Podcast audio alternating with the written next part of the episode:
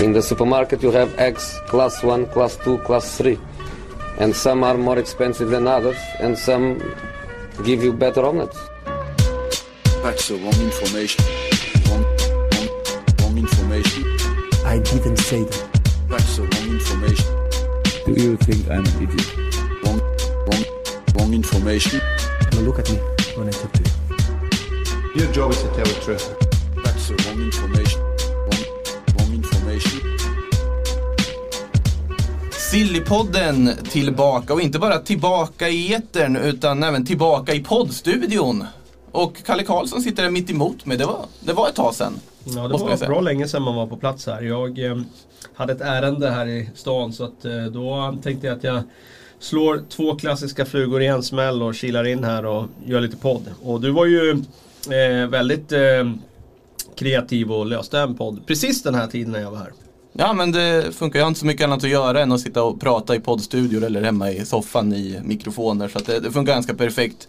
Och eh, Frida Fagerlund, det var lite svårt att få dig hit från London kanske, men du är i alla fall med på länk. Eh, ja, precis. Jag har inte blivit utsläppt riktigt än. Men eh, det- nej, detta funkar ju bra ändå. Det är skönt med teknik. Teknikens under igen. Eh, om vi kastar oss in direkt då bara helt enkelt i alla sillrykten som vi har att gotta oss i. Så börjar vi väl med Arturs, ja, att han är allt närmare Juventus nu. Det kommer alla möjliga uppgifter. Sky Sports var det som gick ut här om dagarna med att 80 miljoner euro i transfersumma ska vara överenskommet mellan klubbarna. Artur har ju tidigare tvekat på att vilja gå till Juventus. Han vill helst stanna i Barcelona och spela där. Men med tanke på också det är ett väldigt mycket häftigare lönekuvert han skulle få i Juventus. Och han har väl insett att han kommer att försöka sälja sport på något sätt för att Barcelona måste få pengar. Och då ändå börjat fundera över alternativet att spela under Sarri i en väldigt ja, roll utpräglad för just honom. Och samtidigt då så är det ju att Miralem Pjanic ska i motsatt riktning och då värderar ju Juve honom till 70 miljoner euro. Och detta ska på något sätt då balansera båda lagens böcker som de behöver göra. De, Barcelona har gjort det förut med Neto och Sillesen-swappen de gjorde med Valencia förra transferfönstret. Och eh, nu håller det på på något sätt ske igen fast med väldigt mycket större spelare. Tankar kring det? Ja, alltså, om man tittar på det bara sådär eh, snabb anblick så tycker man ju att det är hål i huvudet av Barcelona att ge bort en ung spelare. Plocka en, en spelare som har fyllt 30 som eh, visserligen är väldigt, väldigt bra men som eh, har eh, ett par år kvar kanske på toppnivå innan han börjar dala. Det ska man sätta också i ljuset av att Barcelona har väldigt problematiskt tycker jag åldersstruktur i sin trupp. De eh, står inför ett generationsskifte och Artud var väl en av de spelarna som i så fall skulle ha, eh, tycker jag, ingått i den ombyggnationen och, och haft en fundamental roll. Det jag sett av honom tycker jag är jättespännande.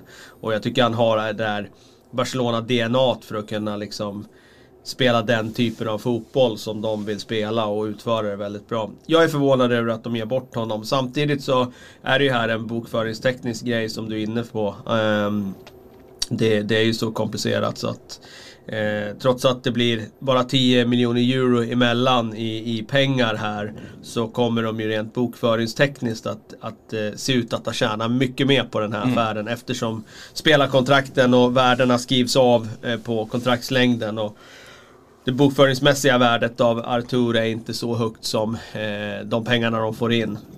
Och det betyder att eh, det ser bra ut i, i böckerna och ehm, eh, de får in en bra spelare. Men jag tror långsiktigt så, så känns det jätte eh, riskabelt tycker jag för Barcelona att hålla på med den här typen av grejer. De skulle snarare behöva göra tvärtom. Växla ut en spelare som är plus 30 och hämta eh, en ung spelare.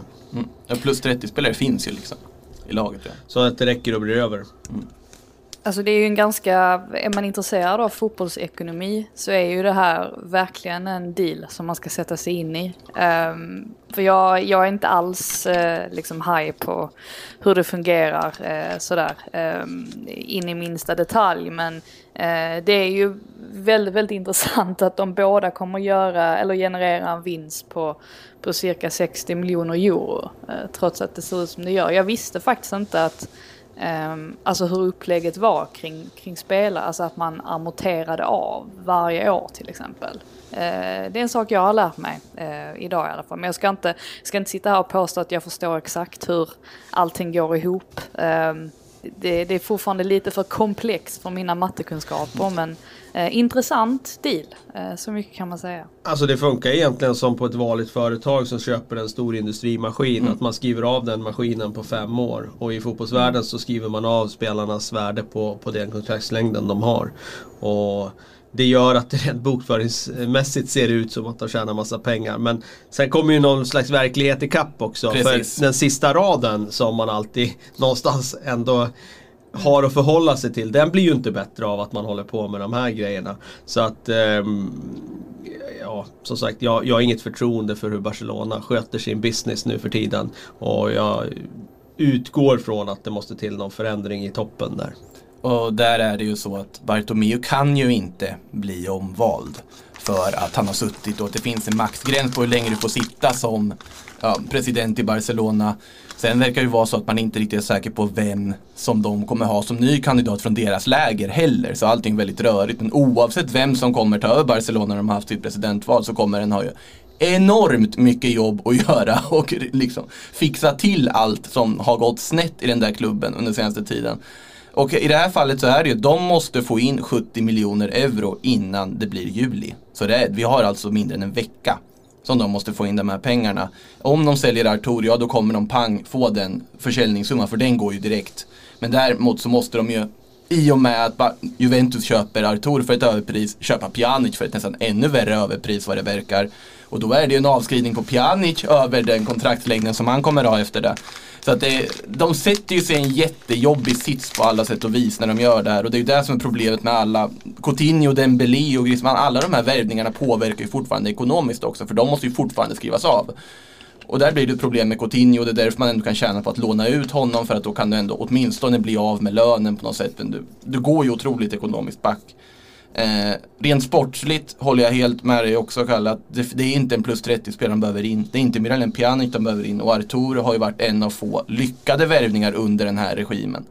Måste man säga. En av få faktiskt välscoutade värvningar som går in och gör skillnad och verkligen passar Barcelona. Och att göra sig av med honom nu på det här sättet och ta in en Pjanic, nej. Det är eh, oroväckande. Eh, Ja, man undrar ju hur illa den ekonomiska situationen är när man måste till med den här typen av... Man ska sälja Guldklimpen, Artur.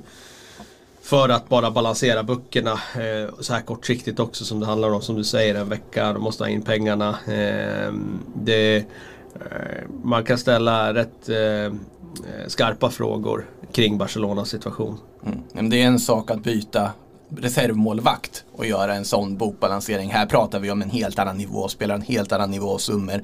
Om nu det här blir av då ska sägas. Eh, samtidigt finns det ju andra spelare Barcelona vill bli av med, typ Coutinho. Som vi har pratat mycket om.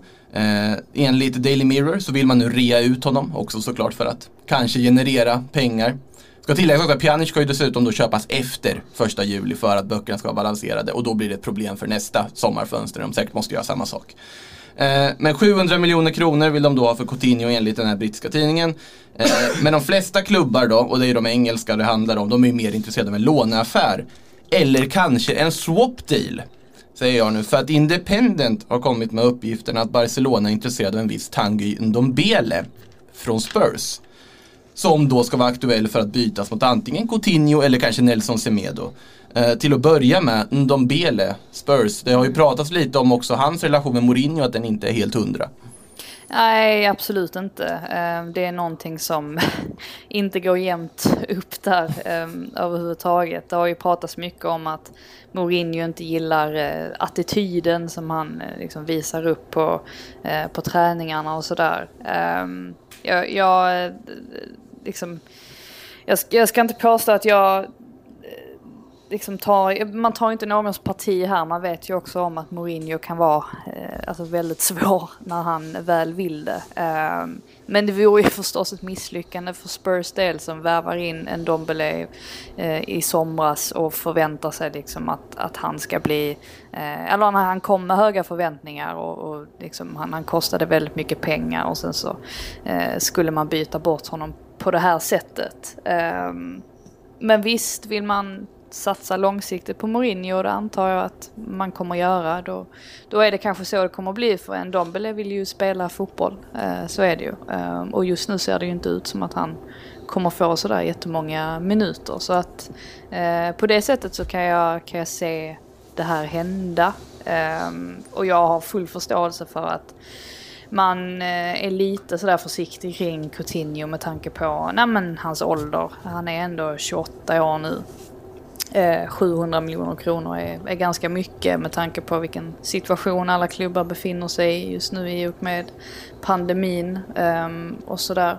Eh, det har ju pratats väldigt mycket om Arsenal också och det är väl främst för att ja, Kia är agenten ehm, och han är involverad väldigt mycket i, i Arsenal eh, på alla sätt och vis. Men eh, det är väl eh, ganska osannolikt att de skulle ha råd att fixa honom bara sådär hur som helst. Så att ehm, nej, det, det, är väl mycket möjligt att det kommer hända. Det ser i alla fall ut som att Coutinho vill till just Premier League. Mm. Han eh, vill väl tillbaka dit också, det är där också pengarna finns. Men de vill ju som sagt ha ett lån. Men om vi tänker en eventuell swap då, Ndombele Coutinho. Vad tycker du, Kalle? Nej, jag är inte helt eh, säker på att eh, det skulle eh, gynna någon av parterna egentligen. Eh, då menar jag utifrån att jag tror att Barcelona vill väl egentligen ha pengar rent av, eller så rena cash för Coutinho. Det är det de har letat efter. Så jag tror inte en swap för dem är optimal. Eh, mer än för att balansera böckerna då, mm. möjligen. Eh, igen. Ja. igen. Eh, sen är det klart, en Dombele är väl en helt okej okay, liksom, rotationsspelare där som kan gå in och spela ibland. Men det, nej, det känns inte det känns inte helt klockrent för deras del. För Tottenhams del tycker jag är för, för riskabelt. Eh, det är um, Visserligen en väldigt bra spelare men man vet inte riktigt var han står nu efter ja, Det är två år där han liksom har fladdrat runt lite grann utan att egentligen ha någon fast punkt. Och um, Det är en sån spelare du måste bygga laget kring. Och jag är inte säker på att Tottenham egentligen ska lägga sina pengar på en offensiv kraft. De behöver lägga sina pengar på, på andra saker om du frågar mig. Um, Försvaret definitivt. Eh, och ja, jag, jag, tycker att det ska få kosta istället. Mm. Finns ju även uppgifter om att PSG ska vara intresserade av Ndombele i det här läget också. Det känns för kanske, nu har ju PSG ganska mycket inne mitt där också. Men det känns nästan på något sätt mer logiskt än Alltså i Barcelona känns det känns bara fel på något sätt. Det känns inte som rätt typ av spelare de behöver få in heller. Det skulle väl vara då om man tar bort Vidal. Tänker jag spontant. Att där finns det väl vissa likheter åtminstone. Ja precis, att han fyller den trupprollen ja. då i så fall och var lite tuffare, lite hårdare. Lite får en föryngring dessutom också. Ja precis, det... Nej, det skulle ju vara det i så fall. Mm. Men annars ser jag inte vilken, eh, vilken roll han skulle fylla i Barcelona. Ehm... Nej, jag, jag ser inte det. Startspelare kommer han inte vara. Ehm... och... Mm. Nej, jag vet inte. Nej, udda saker pågår i alla fall i Barcelona, det kan vi ju vara överens om. Samtidigt sitter det ju en Thiago i Bayern München som många Barcelona-supportrar nog väldigt gärna hade sett att man kanske betalar ett överpris för att få tillbaka. Sett till att han är fostrad i La Masia, har liksom Barcelona-DNA på så sätt. Och han kan ju faktiskt vara på väg bort från Bayern München nu. För det är Bildt trovärdiga uppgifter när det kommer till just Bayern München här. Som skriver att det kan bli en flytt, hans kontrakt går ju ut 2021 också. Han har kommit lite till åren. Eh, och han kopplas faktiskt samman med Liverpool här nu mm. också. Eh, Frida, dina tankar om Thiago i Liverpool, hade det passat tror du? Nej, jag har jättesvårt att se det hända. Eh, jag vet att det går inte riktigt hand i hand med hur Liverpool brukar agera liksom, på transfermarknaden. Eh, vi får komma ihåg också att han är 29 år. Eh, så att liksom jag, jag förutsätter att det är klart att saker och ting har förändrats nu under pandemin. Och att man kanske får förändra sin strategi och sådär. Men eh, nej, jag, jag, nej det, jag tror faktiskt inte alls på det. Mm. Alltså jag ser att det är ju en spelartyp på mittfältet som de inte riktigt har. Och om man tar in en Thiago så måste du i princip förändra dynamiken på det här mittfältet. För att om du har Thiago på plan då är det Thiago som sätter tempot, det är Thiago som styr, ställer, avgör. Lite som Kroos i Madrid också, att avgör nu, nu ska vi spela så här snabbt, nu ska vi ha det här tempot, nu drar vi ner på det. Han är ju dirigenten helt enkelt och Liverpool har ju inte riktigt den typen av spelare på sitt mittfält. Frågan är hur hade det funkat? Nej, jag tror att då blir det ett avsteg från den typen av fotboll de spelar nu. Det, nu har de egentligen bara högintensitetsspelare där. Sen har de Vinaldum som kan diktera det där tempot lite grann ibland och dra ner på det. Men han spelar ju lite mer offensiv roll också än vad Thiago gör. Jag upplever att Thiago vill egentligen gå ner och hämta det lite lägre ner i plan. Och jag tror inte att det, det skulle vara problem, problemfritt att bara ta in en sån spelare. För precis som du är inne på så behöver han en väldigt, väldigt skräddarsydd roll. Eh, Och han kommer ta plats ute på planen. Han kommer inte liksom, gå in och spela någon slags eh, Henderson eller Oxlade Chamberlain eh, högintensitets eh, springa fram och tillbaka box till box utan han är en helt annan spelartyp. Så att, eh, men samtidigt så jag har ju väldigt stort förtroende för vad Liverpool gör för det har de visat gång på gång på gång de senaste fem åren att de de har ju byggt väldigt metodiskt och smart när de har byggt sitt, eh, sitt nya mästarlag och, och det, det har varit så smarta, liksom, genomtänkta värvningar så att har eh, Klopp liksom identifierat att han behöver honom så, så litar jag på att, eh, eh att de har någon idé kring det. Mm. Sen är han fruktansvärt bra också. Ska ju tilläggas. Det är ju även om liksom speltypen kanske inte passar i dagens Liverpool. Det här är ju en världsklasspelare på alla sätt och vis. Men det finns det någon annan klubb vi kan tänka oss att, som skulle må bra av att få in en Thiago? Kanske lite plötslig fråga men. Ja, det är det ju såklart. Mm. Det är ju alltid Arsenal man hamnar på. Förr eller senare hamnar vi i Arsenal. Men eh, ja, nej, men man får ju tänka på vad som är realistiskt också. Men Mm. eh, jag hade ju Allra helst hade jag ju tagit, som jag var inne på från början, tillbaka honom till Barcelona där han har sina rötter. Och Mm. Där han, eh, tror jag, hade kunnat gjort eh, underverk för dem. Ja. Eh, var inne på Arsenal, jag tycker vi går över till Arsenal just för de är ju ändå igång lite här nu med lite officiella besked. Kanske inte de officiella beskeden som supporterna hade hoppats på riktigt. Men eh, nu då början på Artetas nya lagbygge så har man till att börja med signat Cedric Suarez och Pablo Mari på fyraårsavtal, permanenta avtal som Arsenal-spelare. Du har signat David Luiz på ytterligare ett kontraktsår. Och du har signat Dani Ceballos på förlängt lån säsongen ut. Era tankar om de förlängningarna, det var inte så här jättemuntra miner hos Arsenal-fansen såg man i alla fall. Mm, nej, alltså, och, och det har man väl förståelse för Um, till viss del med tanke på att ja, men själva kontexten är ju inte eh, särskilt lyckad just nu. Det är ingen bra timing efter två förluster och dessutom så David Luiz att han liksom gjorde den här matchen mot City. Det var ju, det, timingen kunde ha varit bättre absolut. Men ärligt talat så, alltså när man tänker på det eh, lite mer, med, med ett lite mer liksom san, sans i sig så, alltså Luis förlängning, den kan jag ändå köpa på något sätt. Um, alltså det, det är ett år det gäller för det första. Um, han är en ledarfigur uh, som Arteta uppskattar. Um, så även om man har de här dumma misstagen i sig så uh, ja, men det, det går att förstå varför de ändå liksom binder upp honom på ytterligare ett år. Egentligen den som jag har mest problem med här det är ju Cedrics förlängning. Eh, och kanske inte att det är en förlängning. Um, alltså det, han kan säkert bli en gedigen truppspelare på sikt. ehm, om han någonsin blir skadefri det vill säga. Men fyra år Ja, för en det- snart 29-åring. eh, det är ganska länge. Ehm, men vem vet, han, han, kan, kan, kanske- äh, han kanske visar sig vara en ny Nacho Monreal eller något. Men just nu har man ju väldigt svårt att se att de kommer tjäna speciellt mycket på den, på den värvningen. Nej men med tanke på att han har i princip bara varit skadad sedan han kom. Att då signa upp han på ett fyraårsavtal i det här läget. Känns, alltså det känns nästan osannolikt. Konstigt. Alltså hur, bra han än har varit så finns ju den där skadeproblematiken. Och, Så och då blir det ju återigen det här att man kommer in på att, ja men alltså att Kia är ehm, liksom den gemensamma nämnaren här, agenten då som eh, ständigt eh, finns i kulisserna eh, hos Arsenal. Och de har ju fått rätt mycket kritik nu de senaste tiden här för att det är för mycket eh, liksom agentmakeri just nu.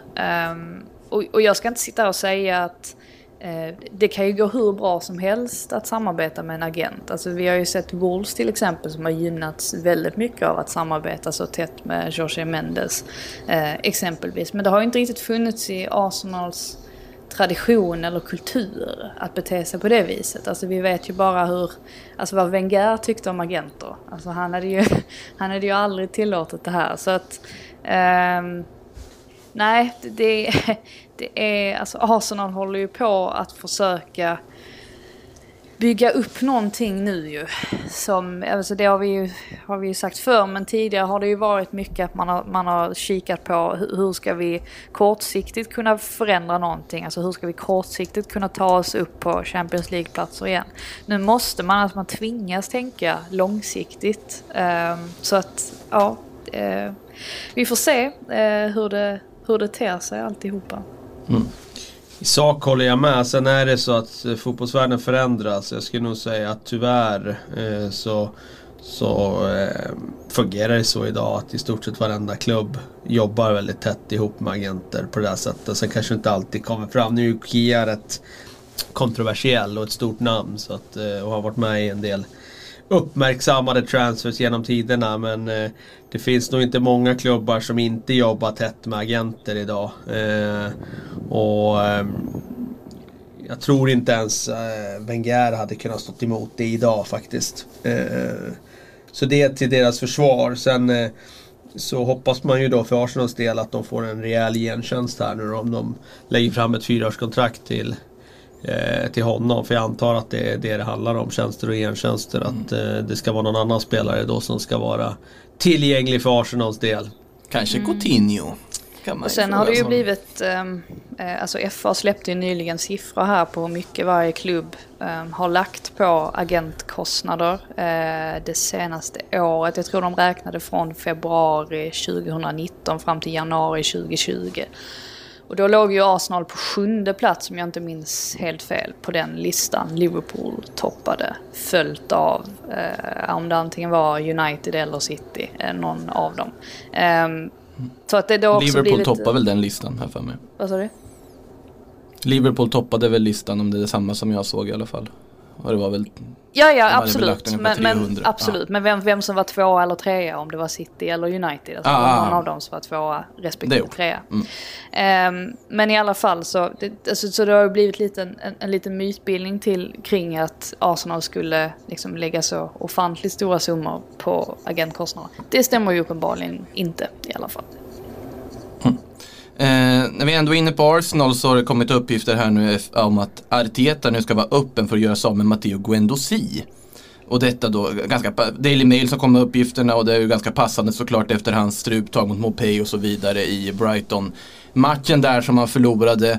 Guendouzi känns det som en spelare som Arsenal ska satsa på? Eller finns det ändå en logik i att försöka sälja av och casha in?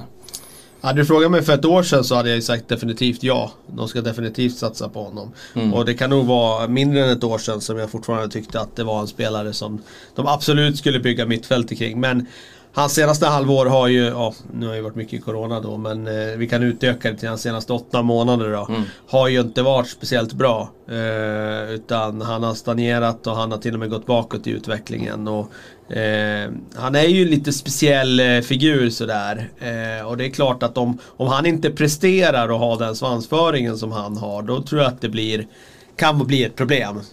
Eh, och det är väl det de kanske har känt i så fall då. Eh, men jag vill ändå tro att, att eh, han kan få huvudet på plats och, och skärpa till sig lite grann.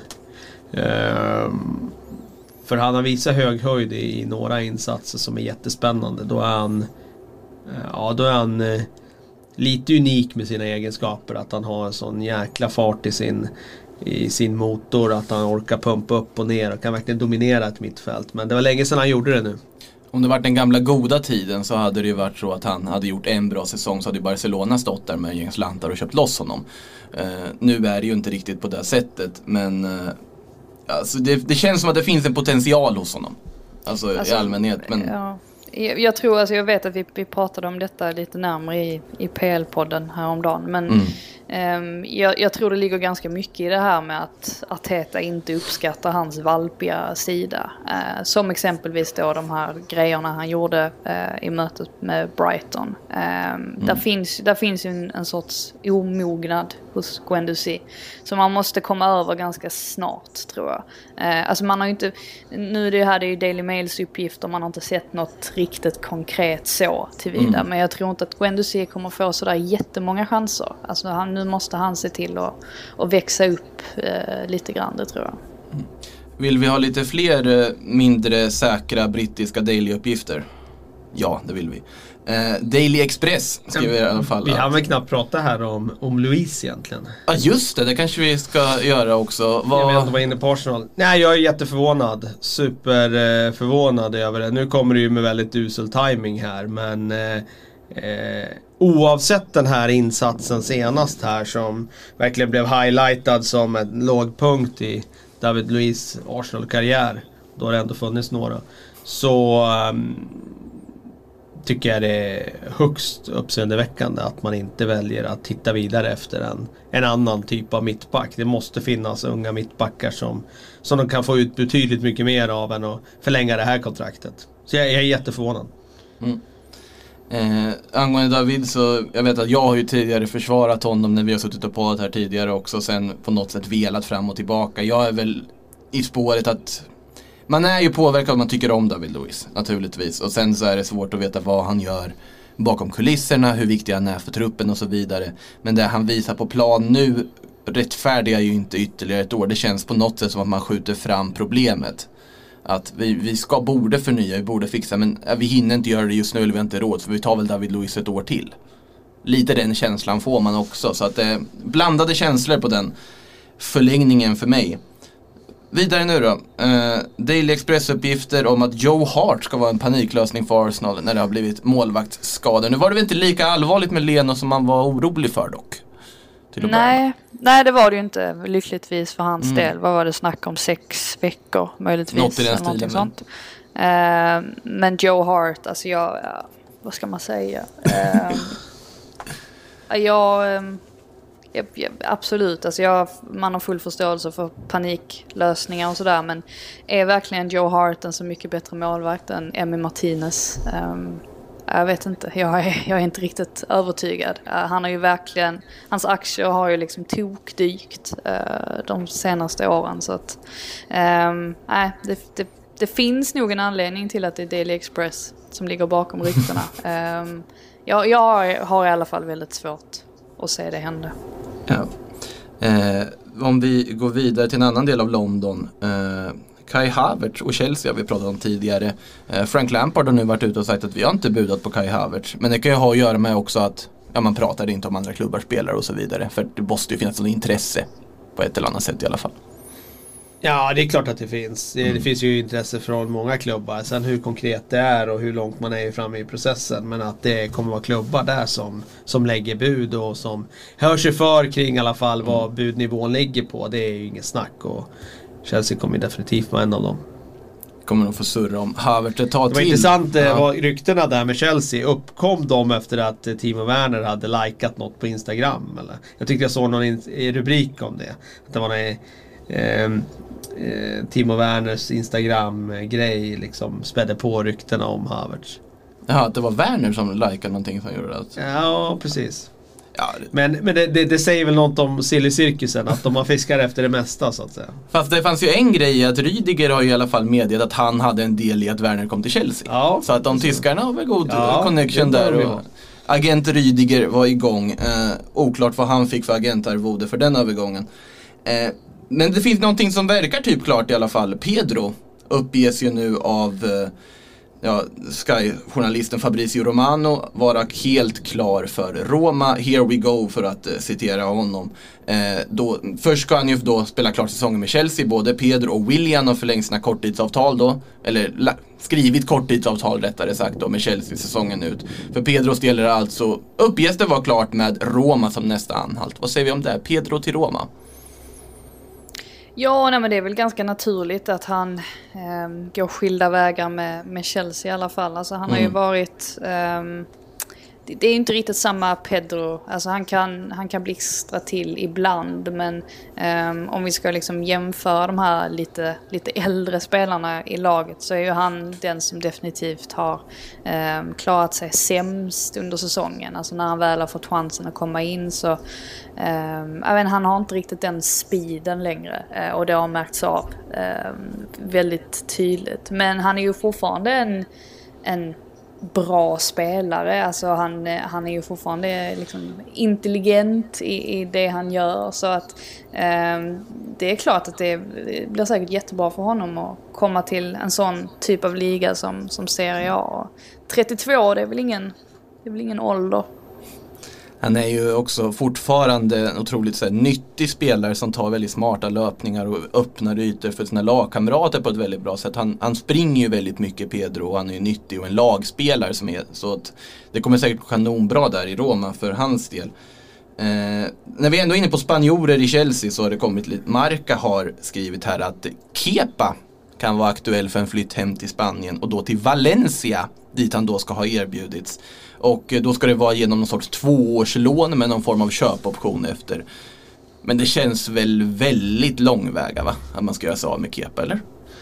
Han har ju, han har ju vacklat lite den här säsongen och var ju bänkad några matcher där. Eh, samtidigt så kostar ju så fruktansvärt mycket pengar när han köptes. Och det känns inte som att den prisnivån är kvar där nu i Corona. Så Lån två år till Valencia sa du? Ja det är det som Marca skrev i alla fall. Ja. Det är nog inte helt omöjligt ändå att, att de i alla fall undersöker möjligheter att eh, titta på en ny målvakt. Sen behöver de ju vara kreativa om de ska lösa det på något ekonomiskt bra sätt och då kanske det är en utlåning som, som gör det möjligt. Jag vet inte. Eh, så jag tror inte det går igenom. Jag tror inte mm. de får till någon lösning. Jag tror inte det finns någon målvakt på marknaden som, som de kan bara lossa sådär. Eller få loss och, och garantera att den målvakten är så bra så det är värt att göra den här typen av transaktion. Det fanns ju lite lösa rykten om Dean Henderson. Ja, jag förstår, jag förstår inte riktigt hur det ska gå ihop med tanke på att alltså man behöver ju egentligen inte värva in endast en målvakt utan egentligen två då. För att det är ju framförallt det man har, man har kikat efter, alltså en, en ordentlig andra målvakt istället för Caballero, alltså som kan vara liksom med och konkurrera med Kepa på, på ett helt annat sätt. Så att på det sättet så känns det ju konstigt. Eh, sen, ja, sen har det ju varit mycket snack om, om Dean Henderson.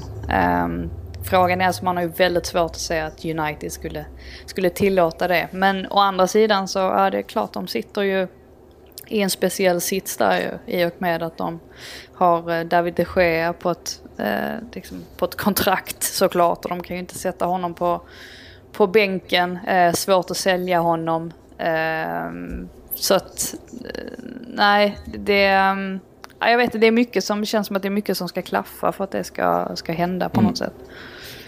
Eh, vad säger vi om William Carvalho och Leicester då? Eh, det är i alla fall också Marca här nu som skriver att Leicester och William Carvalho i alla fall ska vara överens. Dock att Real Betis där Carvalho spelar och Leicester då ännu inte är överens om någon sorts transfersumma eller dylikt. Det känns ju spontant som en spelare som ändå hade kunnat göra ganska mycket nytta i Leicester. Nu, ja, nu, det... nu har jag, min energinivå har varit ganska låg i den här podden. Men, alltså William Carvalho, det här ryktet. Mm. Det, det, får en ganska upphypad ändå, i alla fall mig. Uh, och jag tycker det är ytterligare ett bevis på att Leicester har en väldigt förnuftig värvningsstrategi. För att det har ju varit snack såklart om att NDD kommer flytta vidare så småningom. Och då mm. känns ju Cavallo som den perfekta ersättaren till honom.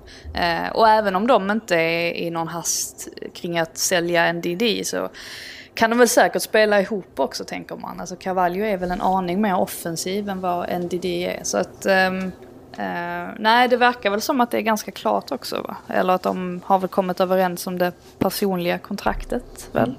Alltså i Carvalhos fall så han har ju haft lite skadeproblem nu i Betis, inte spelat jättemycket då under den här säsongen men när han kom in där så var han ju fruktansvärt bra. Sen är det väl problemet jag kan se att Ndidi kommer in som en ersättare för Kanté. Både Ndidi och Kanté är väldigt alltså, rörliga spelare som rör sig under ganska mycket ytor på en fotbollsplan.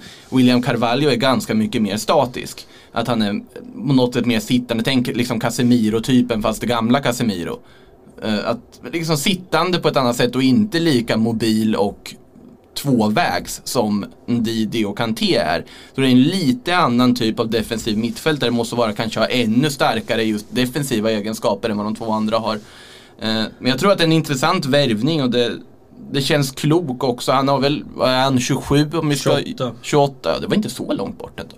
Eh, så att det är ju fortfarande en spelare som har några år kvar också och jag tror inte han skulle vara allt för dyr att lö- lösa från Betis heller i det här läget. Så att, Det var så otroligt mycket snack om honom för 6-7 år sedan Mm. redan. När han var ung och het i, i, i ehm, Sporting. Mm. Men... Eh, ehm, ja, jag är, som sagt det är lite det du är inne på där med tempot i Premier League. Det passar ju inte den där typen av, som jag ser lite mer lågintensiva spelare. Men eh, han har ju en del egenskaper som är jättebra. Hans fysik och hans liksom eh, storlek och jag kan diktera liksom andra bollspel och så vidare. Så, eh, ja, intressant. otroligt underskattad passningsfot också tycker jag. Eh, väldigt fin faktiskt. Eh, vidare här, eh, någonting som också verkar vara något som vi bara ska vända. Vi får se hur det blir med Carvalho och Leicester, men någonting som verkar i alla fall på alla uppgifter och trovärdiga uppgifter på att vi bara väntar in en officiell bekräftelse på. Det är Thomas Moniers flytt till Dortmund. Eh, Monier som ju lämnar Paris på fri transfer nu när hans kontrakt går ut. Då ska vara klar för Borussia Dortmund på ett fyraårsavtal. Kanonvärvning säger jag. Alltså, men det säger jag alltid om Monier, att det hade funkat för alla lag som behöver en högerback. Eh, I Dortmund det känns som en supervärvning och det tyder väl också på att Achraf Hakimi inte kommer vara kvar i Dortmund. Det tyder väl i och för sig det mesta på innan också men en superbra ersättare i alla fall. Ja, men jag håller med dig. Det, jag tycker att det är en sån där eh, spelare som... Eh, jag är lite förvånad över att toppklubbarna inte har tittat lite mer på. Eh, jag tänker på toppklubbarna i England. Eh, det är inte så många alternativ i just den positionen heller. Mm. Så att... ehm, ja, det, är- det är en bra värvning. Och Dortmund kopplas ju även samman med en ung brittisk talang, nämligen Jude Bellingham från Birmingham som då också verkar vara på väg till Dortmund. Frida, vad tycker du om Jude Bellingham? Är det rätt steg för honom att ta att gå till Dortmund och Tyskland? Ja, men han har ju givetvis kollat på eh, några av sina landsmän här som har lyckats väldigt bra med att ta det steget till Mm. Tyskland och förhoppningsvis då säkert komma tillbaka så småningom till Premier League eh, som en helt ny eh, och mer välutvecklad spelare. Han är, eh, jag har inte sett honom spela själv, jag har bara sett hans namn i förbifarten lite grann men jag pratade med en kollega som sa att han aldrig har sett en större talang. Och jag vet att det är ett slitet ut- uttryck såklart. Men den här personen, säger han det så då jag litar ändå ganska mycket på det.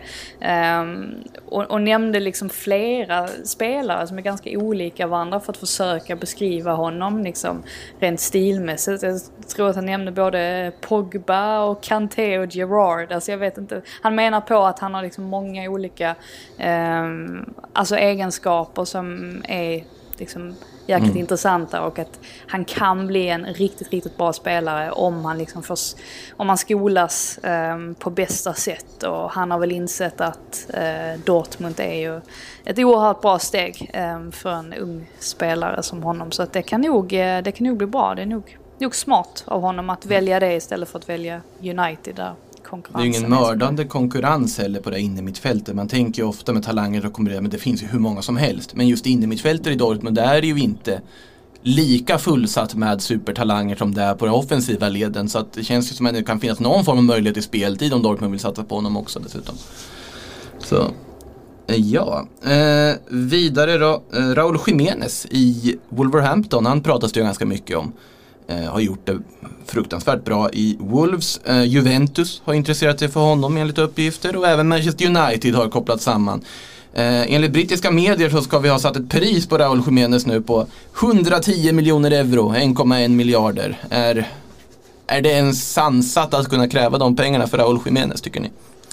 Nej men det, det speglar ju också att det kommer eh, eh, från en klubb som inte har något som helst behov av att sälja.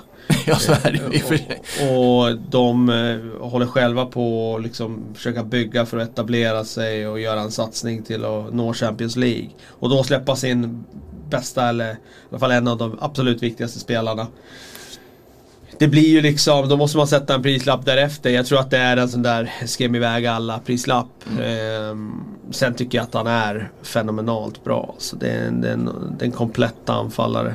Och jag tycker han visar det vecka ut och vecka in. Och um, han hade kunnat spela i någon av de absolut största klubbarna, det, det tycker jag. Ehm, och um, han har förmodligen varit ännu bättre med en ännu bättre omgivning. Mm. Och ett mer offensivt lag. Så att eh, jag förstår att de kan kräma bra. Sen är den där ganska extrem den där summan. Tycker jag ändå.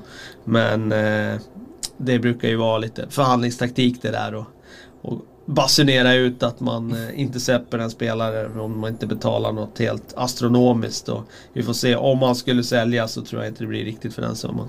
Nej. Eh, vidare här, innan vi går in på lite lyssnarfrågor så måste vi ju nämna, vet ni, vet ni vem som är aktuell som ny tränare för Dundee United i Skottland? Berätta. Jens Lehmann. Åh fan. Eh, ja, det är intressant. Eh, han verkar ju vara en väldigt speciell figur den där Lehmann. Så att det hade varit intressant om han fluga på väggen där när han tar ton i det omklädningsrummet. Ja, det, han har ju varit då någon sorts rådgivare i Hertha Berlin här innan och nu vill han ju in då i tränarsvängen och då är det ju då, tycker han, Dundee United av alla klubbar är en bra start då. Eh, ska vidare här då och titta på lite lyssnarfrågor. Har vi fått in några. Ska vi se. Alltid lika väl förberedd på att läsa upp lyssnarfrågor. Det lär man sig inte hur många gånger man än sitter och poddar. Eh, då ska vi se. Jesper Haglöf frågar Ndidi som ersättare till Matic i United. Vi var inne på Ndidi lite. Vad tror vi om Ndidi? Hade det varit något för United? Eh, både ja och nej. Eh, han klarar definitivt den defensiva eh, delen. Men eh, nu när de har Ja, spelar ju nu enligt den där modellen som vi har nämnt och pratat om tidigare i PL-podden att de skulle kunna göra när de fick in Bruno och Pogba, att de spelar med två tior. Då behöver de även ha en riktigt bra passningsfot i den där positionen bakom. Inte bara en som kan eh, täcka upp defensivt, utan även måste vara en spelare som är smart nog för att hitta de där två. Och det är inte så lätt eh, att hitta spelare som har både och.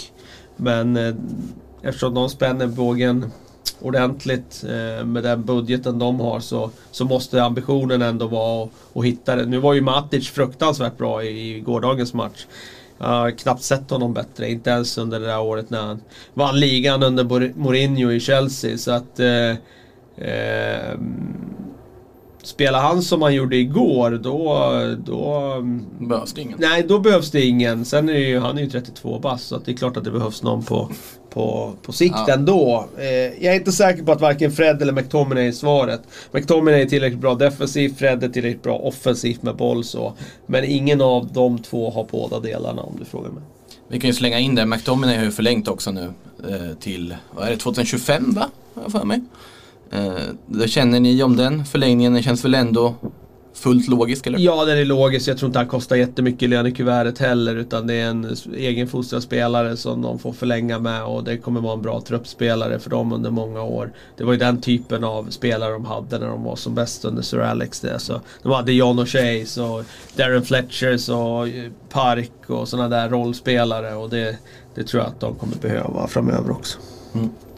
Eh, Patrik Hansen frågar hur kan en klubb som Barcelona hamna i en position där man måste byta ner sig för att lösa ekonomin? Vi var ju inne på det lite. Han retweetar här också Swiss Rambles eh, genomgång lite ekonomiskt här då. Twitterkonto Swiss Ramble. Kan jag rekommendera för er som undrar vad vi pratat om här med avskrivningar och alltihopa. Det förklarar ganska bra vad det är som håller på att ske här. Ja, alltså det är ju flera års vanskötsel. Alltså svaret är egentligen. Att det är så man har hamnat i en sån ekonomisk sits. Att det är flera års dåligt sportcheferi, flera års svagt ledarskap, flera års, ja vi ska göra plus i böckerna istället för att bygga ett bra lag på plan. Man kan sitta och prata om det hur länge som helst egentligen. Så att, det är där. Så är det i Barcelona. Dennis Gunnar frågar, Arsenal förlänger med Luis för hans erfarenhet, säljer av två, tre andra backar, Sokratis, Mustafi, Chambers, tänker han då, och vävar in ytterligare en ung mittback utöver Saliba. Vem skulle passa beskrivningen som finns tillgänglig? Jag säger Dayo Upamecano. Ja. De har ju ryktats vara där och rycka. Och jag gillar ju honom skarpt. Jag tycker han är jättebra. Eh, Jag tror inte de har råd med han andra där, Konate eller vad han heter. Hans mittbackspartner i Leipzig. Är han dyrare? Det måste han ju vara uppe med kan och sitter på utgående. Precis. Eh, jag tror att han kommer gå riktigt högt för han är ju riktigt bra också. Mm. Eh, så att eh, kan de vara med och hugga på Upamecano så, så eh, hade det varit riktigt intressant för dem. Samtidigt så tror jag att det finns andra klubbar som också kommer vara det. Och då finns risken att den där prislappen drar iväg ändå. Det surras ju lite om att Bayern München i princip har en deal klar. Det hade också. inte varit helt förvånande. Det hade det ju inte varit. Det pratades lite om att eh, Arsenal ville värva också Salibas eh, partner i Saint Etienne, Wesley Fofana. Eh, han är ju född 2000. Ehm, Men eh, jag, jag såg det ryktet för, ja men det var väl någon månad sedan och sedan dess har, har jag inte sett någonting mer om det. Så jag antar att intresset kanske svalnade av eh, för den lösningen också. Det hade ju annars varit eh, ja, lite speciellt att plocka liksom två mittbackar från, från samma klubb. Eh, ska vi se, Joel här har ställt alla möjliga frågor. Vi hinner nog inte ta allihopa men vi kan ta en av de här. Varför plockar ingen Pulgar från Fiorentina? Har vad som krävs för att spela för en av de stora drakarna. Ja, jag blev förvånad att Erik Pulgar gick till Fiorentina förra sommaren med tanke på hur otroligt bra han var för chilenska landslaget och vad han har visat. Eh, sen ska jag väl ärligt säga att jag har inte sett jättemycket av Pulgar den här säsongen för att avgöra hur mycket han sen har accelererat när han varit i Fiorentina. Men det känns ju som på sikt absolut en spelare som ska spela i en större klubb än Fiorentina för att de inte börjar växa och hittar någon form av framtidstro. Eh, Silva Exaguero frågar varför är ingen annan klubb ute efter Leroy Sané? Ja, det är väl säkert en kombination med att han har alltså dels varit skadad. Alltså han har ju själv alltid haft siktet inställt på just Bayern München. Um, vi har inte sett honom spela på snart ett år. Um, ekonomin är som den är nu uh, bland klubbarna. Um, det är väl nog kanske de, de största anledningarna till att det inte har pratats om någon annan klubb uh, direkt, skulle jag tro i alla fall. Han verkar ganska inställd på Bayern München liksom rakt av också. Att det, det är dit han ska och det är där han ska bli stjärnan på något sätt. Och det Och sen har han gans- säkert en ganska hög lön som vissa klubbar eh, utesluter redan där med tanke på att han dessutom varit rätt skadedrabbad Mm. senaste åren också. Ja, eh, ska vi se här. Vi kan ju avsluta med Rickard, Rickard Rönnklin skriver Ligger fem avsnitt bakom på grund av aktiviteter och hinner knappt lyssna i kapp i det här tempot. Och då ska vi väl inte dra ut på det här avsnittet allt för mycket heller så att Rickard hinner ifatt på ett eller annat sätt. Eh, Frida, Kalle, sedvanligt trevligt att surra med er och eh, dags för lunch nu tycker jag. Man börjar bli lite hungrig. Känner jag. Så är det nog. Eh, det blir eh, en lunch i solen nu. Låter underbart. Hoppas ni alla har det bra i solen också. Vi ses snart igen. Ha det gott till dess. Hej då.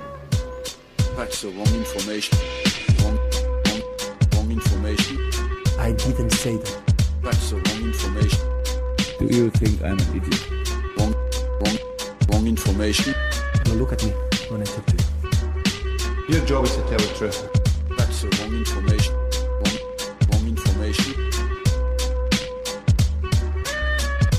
I'm not going to have you twisting everything I say. Twist, twist, twisting everything I say. So make that clear.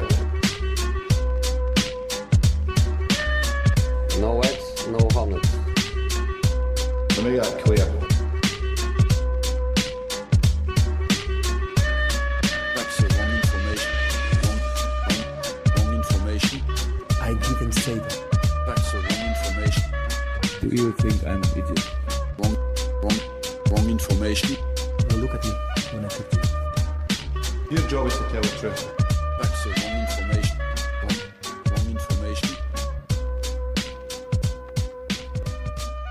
Information. I